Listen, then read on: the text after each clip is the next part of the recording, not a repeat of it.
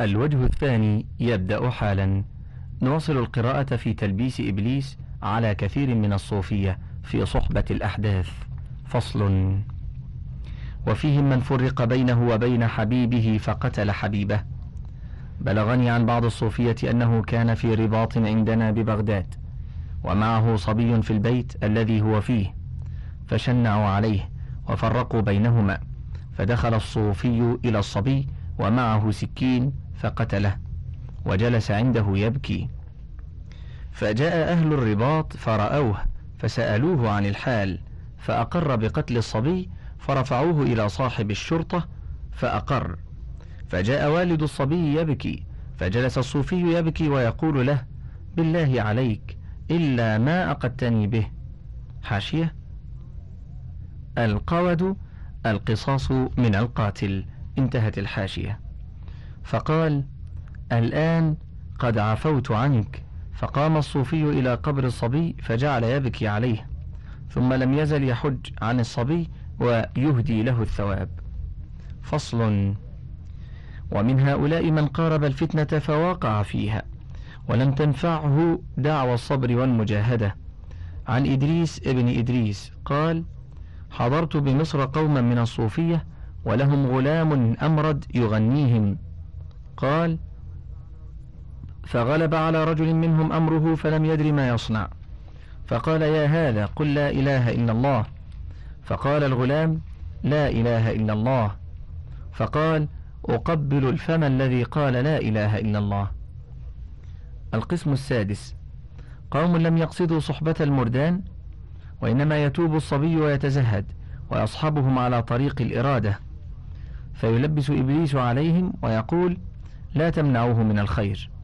ثم يتكرر نظرهم إليه لا عن قصد فيثير في القلب الفتنة إلى أن ينال الشيطان منهم قدر ما يمكنه. وربما وثقوا بدينهم فاستفزهم الشيطان فرماهم إلى أقصى المعاصي كما فعل ببرصيصة. قال المصنف رحمه الله وقد ذكرنا قصته في أول الكتاب وغلطهم من جهة تعرضهم بالفتن وصحبة من لا يؤمن الفتنة في صحبته. القسم السابع. قوم علموا أن صحبة المردان والنظر إليهم لا يجوز غير أنهم لم يصبروا عن ذلك. عن يوسف بن الحسين قال كل ما رأيتموني أفعله فافعلوه إلا صحبة الأحداث فإنها أفتن الفتن. ولقد عاهدت ربي أكثر من مئة مرة ألا أصحب حدث ففسخها علي حسن الخدود. وقوام القدود وغنج العيون وما سألني الله معهم عن معصية. وأنشد صريع الغواني في معنى ذلك شعرا. حاشية. هو مسلم بن الوليد من أبناء الأنصار. كان مداحا محسنا وجل مدائحه في يزيد ابن مزيد وداود ابن يزيد المهلبي والبرامكة ومحمد ابن منصور كاتبهم.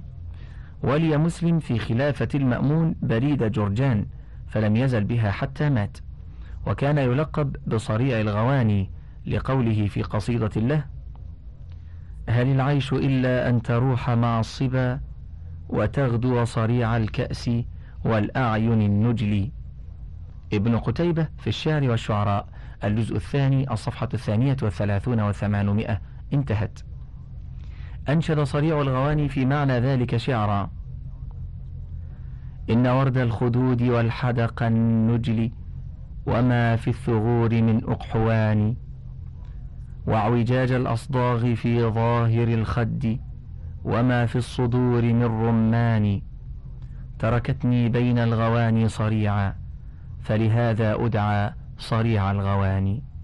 حاشية الحدق السواد المستدير وسط وسط العين والنجل أي الحسنة المتسعة. والأقحوان نبت زهره أصفر أو أبيض.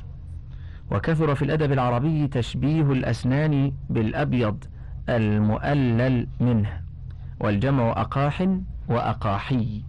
انتهت الحاشية.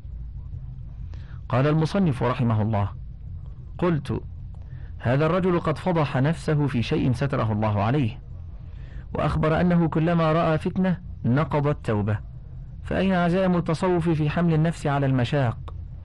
ثم ظن بجهله أن المعصية هي الفاحشة فقط. ولو كان له علم لعلم أن صحبتهم والنظر إليهم معصية. فانظر إلى الجهل كيف يصنع بأربابه. وعن أبي مسلم الخمشوعي أنه نظر إلى غلام جميل فأطال ثم قال سبحان الله ما أهجم طرفي عن مكروه نفسه وأدمنه على سخط سيده وأغراه بما قد نهى عنه وأبهجه بالأمر قد حذر عنه. لقد نظرت إلى هذا نظرا لا أحسب إلا أنه سيفضحني عند جميع من عرفني في عرصات القيامة. ولقد تركني نظري هذا وأنا أستحي من الله تعالى وإن غفر لي ثم صعق. وعن أبي الحسين النوري قال رأيت غلاما جميلا ببغداد فنظرت إليه. ثم أردت أن أردد النظر فقلت له تلبسون النعال الصرارة وتمشون في الطرقات؟ فقال أحسنت الحشر بالعلم. حاشية.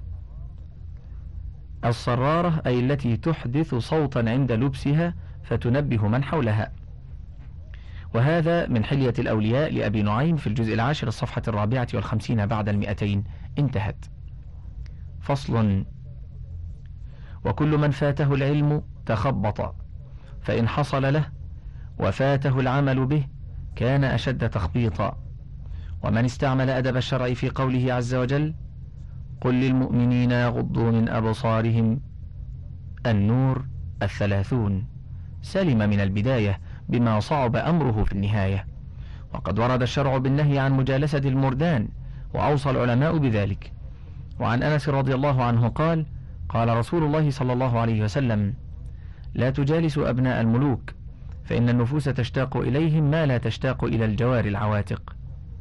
حاشية موضوع ابن عراق في تنزيه الشريعة المرفوعة عن الأحاديث الشنيعة الموضوعة.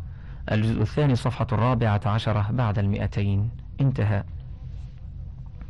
والحديث بإسناده عن الأعمش عن أبي صالح عن أبي هريرة رضي الله عنه عن رسول الله صلى الله عليه وسلم قال لا تملأوا أعينكم من أولاد الملوك فإن لهم فتنة أشد من فتنة العذارى. حاشية. موضوع. ابن عراق في تنزيه الشريعة المرفوعة عن الأحاديث الشنيعة الموضوعة. الجزء الثاني الصفحة الرابعة عشرة بعد المئتين. انتهى. وعن الشعبي قال قدم وفد عبد القيس على رسول الله صلى الله عليه وسلم وفيهم غلام أمرد ظاهر الوضاءة. فأجلسه النبي صلى الله عليه وسلم وراء ظهره وقال كانت خطيئة داود عليه السلام النظر. حاشية. موضوع السلسلة الضعيفة للألباني برقم ثلاثة عشر بعد الثلاثمائة انتهى. وعن أبي هريرة قال نهى رسول الله صلى الله عليه وسلم أن يحد الرجل النظر إلى الغلام الأمرد. حاشية. لم أجده فيما بين يدي من مصادر وعلى كل فقد طالب الشارع منا الابتعاد عن كل ما يثير الفتنة ويحرك الشهوة وحذر من تكرار النظر وحث على حفظ الفرج وغض البصر. انتهت الحاشية. وقال عمر بن الخطاب ما أتى على عالم من سبع ضار أخوف عليه من غلام أمرد. وعن الحسن بن ذكوان أنه قال لا تجالسوا أولاد الأغنياء فإن لهم صورا كصور النساء وهم أشد فتنة من العذارى وعن النجيب السري قال كان يقال لا يبيت الرجل في بيت مع المرد. وعن عبد العزيز بن أبي السائب عن أبيه قال لأنا أخوف على عابد من غلام من سبعين عذراء. حاشية انظر الحلية في الجزء التاسع الصفحة الثالثة والعشرين والثلاثمائة والرابعة والعشرين والثلاثمائة. انتهت. وعن أبي علي الروذباري قال سمعت جنيدا يقول جاء رجل إلى أحمد بن حنبل ومعه غلام حسن الوجه فقال له من هذا؟ قال ابني. قال أحمد لا تجئ به معك مرة أخرى. فلما قام قال له محمد بن عبد الرحمن الحافظ وفي رواية الخطيب. فقيل له أيد الله الشيخ إنه رجل مستور وابنه أفضل منه. فقال أحمد الذي قصدنا إليه من هذا الباب ليس يمنع منه سترهما. على هذا رأينا أشياخنا وبه أخبرونا عن أسلافهم. وعن أبي بكر المروزي قال جاء حسن البزاز إلى أحمد بن حنبل ومعه غلام حسن الوجه فتحدث معه. فلما أراد أن ينصرف قال له أبو عبد الله يا أبا علي لا تمشي مع هذا الغلام في طريق. فقال له إنه ابن أختي. قال وإن كان لا يهلك الناس فيك. وعن شجاع بن مخلد أنه سمع بشر بن الحارث يقول احذروا هؤلاء الأحداث. وعن فتح الموصلي أنه قال صحبت ثلاثين شيخا كانوا يعدون, يعدون من الأبدال كلهم أوصوني عند فراقي لهم اتق معاشرة الأحداث. وعن الحلبي أنه قال نظر سلام الأسود إلى رجل ينظر إلى حدث فقال له يا هذا أبقي على جاهك. عند الله فإنك لا تزال ذا جاه ما دمت له معظما. وعن أبي منصور عبد القادر بن طاهر قال من صحب الأحداث وقع في الأحداث. حاشية الأحداث الأولى مفردها الحدث وهو الصغير السن والثانية مفردها الحدث يقال الأمر الحادث أي المنكر غير المعتاد. انتهت الحاشية. وعن أبي عبد الرحمن السلمي قال قال مظفر القرميسيني من صحب الأحداث على شرط السلامة والنصيحة أداه ذلك إلى البلاء فكيف بمن يصحبهم على غير وجه السلامة؟ فصل. وقد كان السلف يبالغون في الإعراض عن المرد. وقد روينا عن رسول الله صلى الله عليه وسلم أنه أجلس الشاب الحسن الوجه وراء ظهره. وعن عطاء بن مسلم قال كان سفيان لا يدع أمرد يجالسه. وعن يحيى بن معين قال ما طمع أمرد بصحبتي. ولأحمد بن حنبل قال في طريق. وعن أبي يعقوب قال كنا مع أبي نصر ابن الحارث. فوقفت عليه جارية ما رأينا أحسن منها. فقالت يا شيخ أين مكان باب حرب؟ فقال لها هذا الباب الذي يقال له باب حرب. ثم جاء بعدها غلام ما رأينا أحسن منه فسأله. فقال يا شيخ أين مكان باب حرب؟ فأطرق الشيخ رأسه فرد عليه الغلام السؤال وغمض عينيه فقلنا للغلام تعالى إيش تريد؟ فقال باب حرب. فقلنا له ها هو بين يديك. فلما غاب قلنا للشيخ يا أبا نصر جاءتك جارية فأجبتها وكلمتها وجاءك غلام فلم تكلمه فقال نعم يروى عن سفيان الثوري أنه قال مع الجارية شيطان ومع الغلام شيطانان فخشيت على نفسي من شياطينه. وعن عبد الله بن المبارك قال دخل سفيان الثوري الحمام فدخل عليه غلام صبيح فقال أخرجوه أخرجوه فإني أرى مع كل امرأة شيطانا ومع كل غلام بضعة عشر شيطانا. وعن محمد بن أحمد بن أبي القاسم قال دخلنا على محمد بن الحسين صاحب يحيى بن معين وكان يقال إنه ما رفع رأسه إلى السماء من منذ أربعين سنة.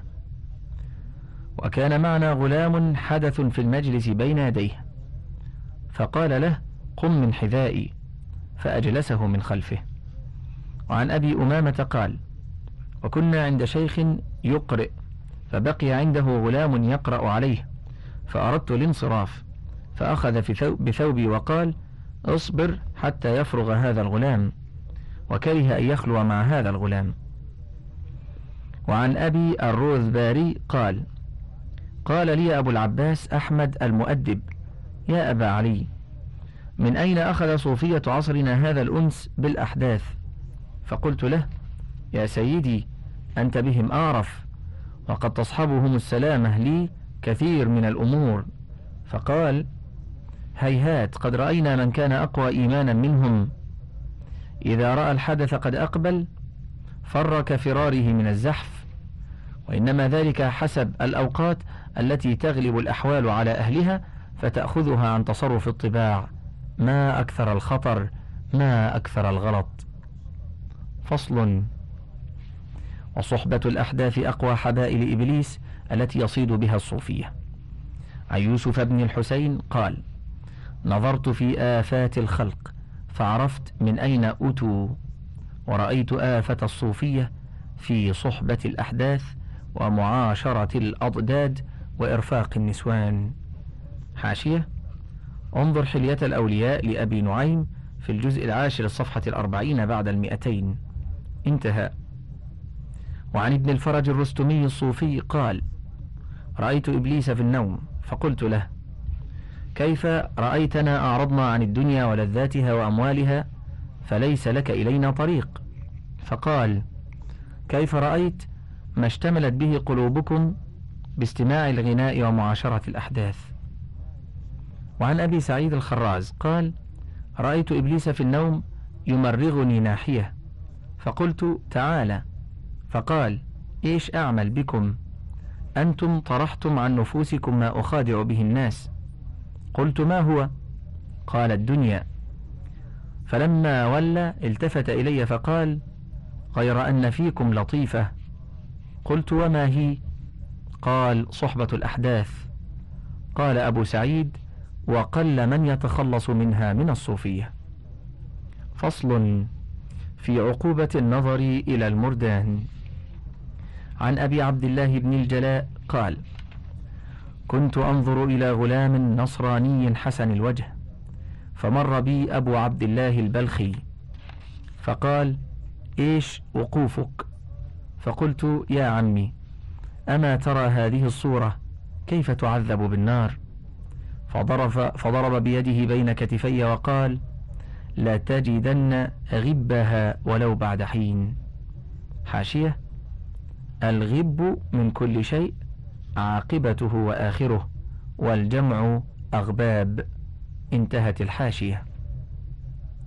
قال فوجدت غبها بعد أربعين سنة أن أنسيت القرآن. وعن أبي الأديان قال كنت مع أستاذي أبي بكر الدقاق فمر حدث فنظرت إليه فرآني أستاذي وأنا أنظر إليه فقال يا بني لتجدن غبه ولو بعد حين فبقيت عشرين سنة وأنا أراعي فما أجد ذلك الغب فنمت ذات ليلة وأنا مفكر فيه فأصبحت وقد أنسيت القرآن كله. وعن أبي بكر الكتاني قال رأيت بعض أصحابنا في المنام فقلت ما فعل الله بك؟ قال عرض علي سيئاتي وقال فعلت كذا وكذا. فقلت نعم.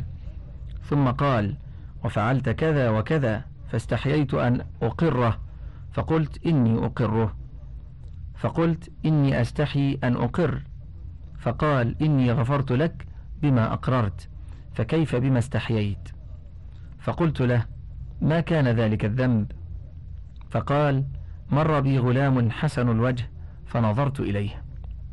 وقد روي نحو هذه الحكاية عن أبي عبد الله الزراد أنه رؤي في المنام فقيل له ما فعل الله بك؟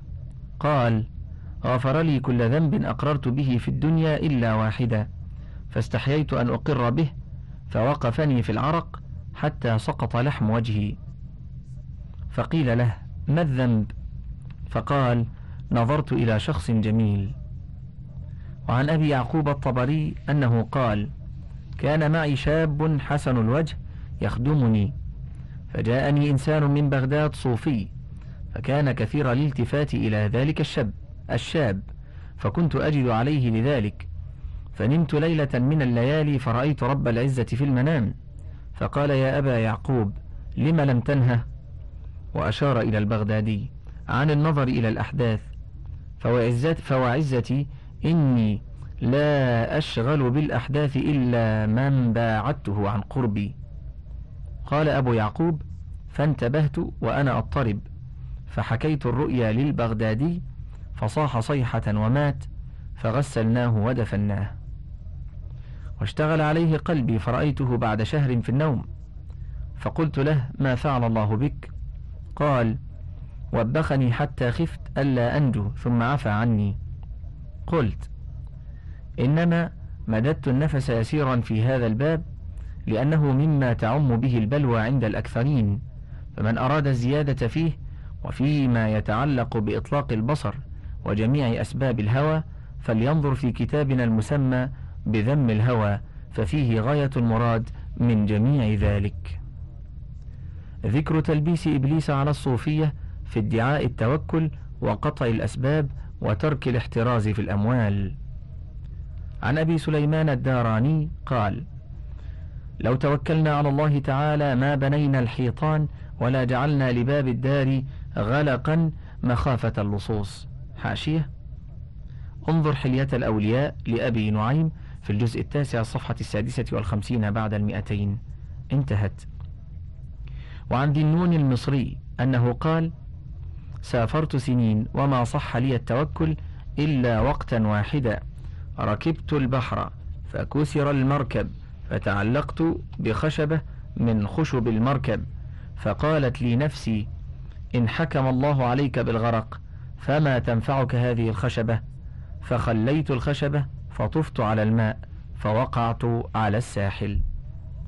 أخبرنا محمد قال سألت أبا يعقوب الزيات عن مسألة في التوكل فأخرج درهما كان عنده ثم أجابني فأعطى التوكل حقه ثم قال استحييت أن أجيبك وعندي شيء.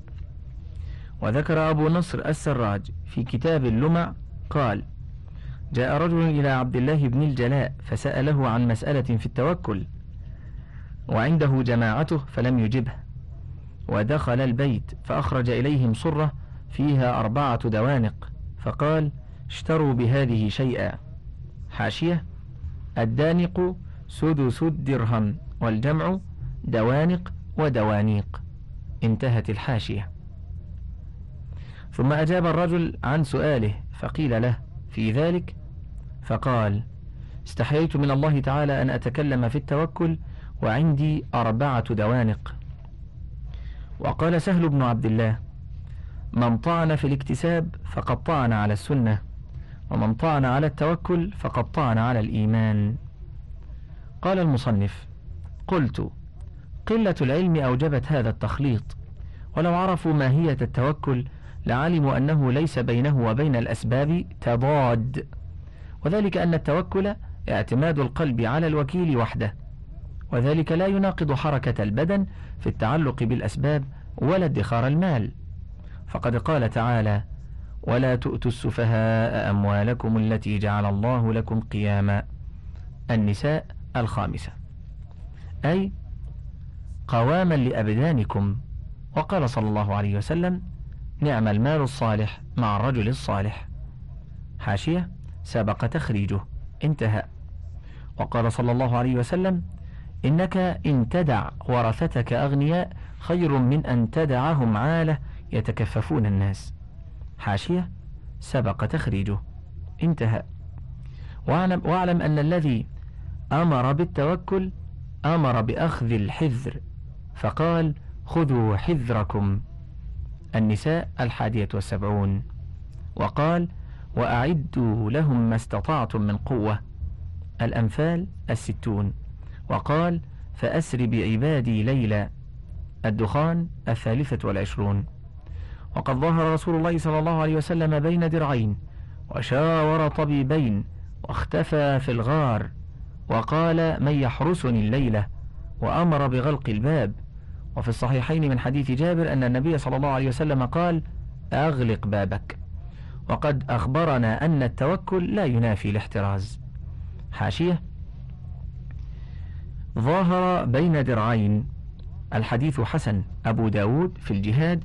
باب في لبس الدروع. برقم تسعين وخمسمائة بعد الألفين. وابن ماجه في الجهاد. باب السلاح. برقم ستة وثمانمائة بعد الألفين. ومختصر الشمائل في الصفحة التسعين. وظاهر بينهما أي جمع بينهما ولبس إحداهما فوق الأخرى ولبسهما يدل على الاهتمام في التوقي في الحرب وليساعد ذلك في الإقدام وعدم الاكتراث بالعدو. وشاور طبيبين لا شك أن ديننا الحنيف لم يترك صغيرة ولا كبيرة إلا وقد أمر بها ما دامت في نفع الإنسان لا في ضرره. فقد أمرنا رسول الله صلى الله عليه وسلم بالتداوي فقال تداووا عباد الله. فإن الله لم يضع داء إلا وضع له دواء غير داء واحد الهرم. حديث صحيح. ومما يدل على اهتمام الرسول بالتطبيب ما رواه مسلم. ولقراءة الهامش. ما رواه مسلم أن رسول الله صلى الله عليه وسلم بعث إلى أبي بن كعب طبيبا فقطع منه عرقا ثم كواه عليه. إلى غير ذلك من الآثار التي تحض على التطبيب.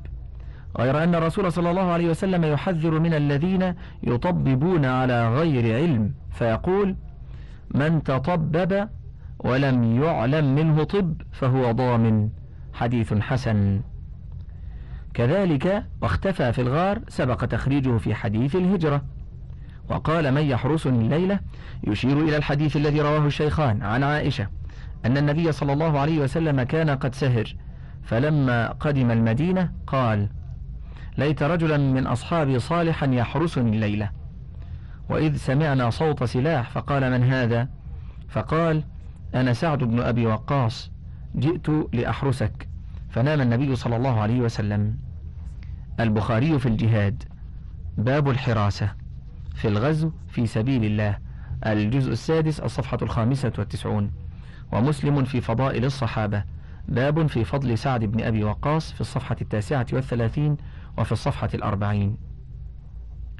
كذلك من حديث جابر أن النبي صلى الله عليه وسلم قال أغلق بابك. هو صحيح. البخاري في بدء الخلق باب صفة إبليس وجنوده في الجزء السادس الصفحة السابعة والثمانين بعد الثلاثمائة ومسلم في الأشربة باب الأمر بتغطية الإناء في الصفحة السادسة والتسعين والسابعة والتسعين. انتهى. وعن أنس بن مالك رضي الله عنه قال جاء رجل إلى النبي صلى الله عليه وسلم وترك ناقته بباب المسجد فسأله رسول الله صلى الله عليه وسلم عنها فقال أطلقتها وتوكلت على الله. قال أعقلها وتوكل. حاشية. حسن. الترمذي في صفة القيامة برقم سبعة عشر وخمسمائة بعد الألفين وصحيح الجامع للألباني في برقم ثمانية وستين بعد الألف وانتهت الحاشية. وعن سفيان بن عيينة قال تفسير التوكل أن يرضى بما يفعل به. وقال ابن عقيل يظن أقوام أن الاحتياط والاحتراز ينافي التوكل وأن التوكل هو إهمال العواقب وإطراح التحفظ وذلك عند العلماء هو العجز والتفريط الذي يقتضي من العقلاء التوبيخ والتهجين ولم يأمر الله بالتوكل إلا بعد التحرز واستفراغ الوسع في التحفظ. فقال تعالى وشاورهم في الأمر فإذا عزمت فتوكل على الله. آل عمران التاسعة والخمسون والمئة. فلو كان التعلق بالاحتياط قادحا في التوكل لما خص الله به نبيه حين قال له وشاورهم في الأمر. وهل المشاورة إلا استفادة الرأي الذي منه يؤخذ التحفظ والتحرز من العدو؟ ولم يقنع في الاحتياط بأن يكله إلى رأيهم واجتهادهم حتى نص عليه وجعله عملا في نفس الصلاة وهي أخص العبادات. فقال فلتقم طائفة منهم معك وليأخذوا أسلحتهم. وبين علة ذلك بقوله تعالى ود الذين كفروا لو تغفلون عن أسلحتكم وأمتعتكم فيميلون عليكم ميلة واحدة. النساء الثانية بعد المئة. ومن علم أن الاحتياط هكذا لا يقال إن التوكل عليه ترك ما علم. لكن التوكل التفويض فيما لا وسع فيه ولا طاقة. قال عليه الصلاة والسلام اعقلها وتوكل. انتهى الشريط العشرون من كتاب تلبيس إبليس وللكتاب بقية على الشريط التالي.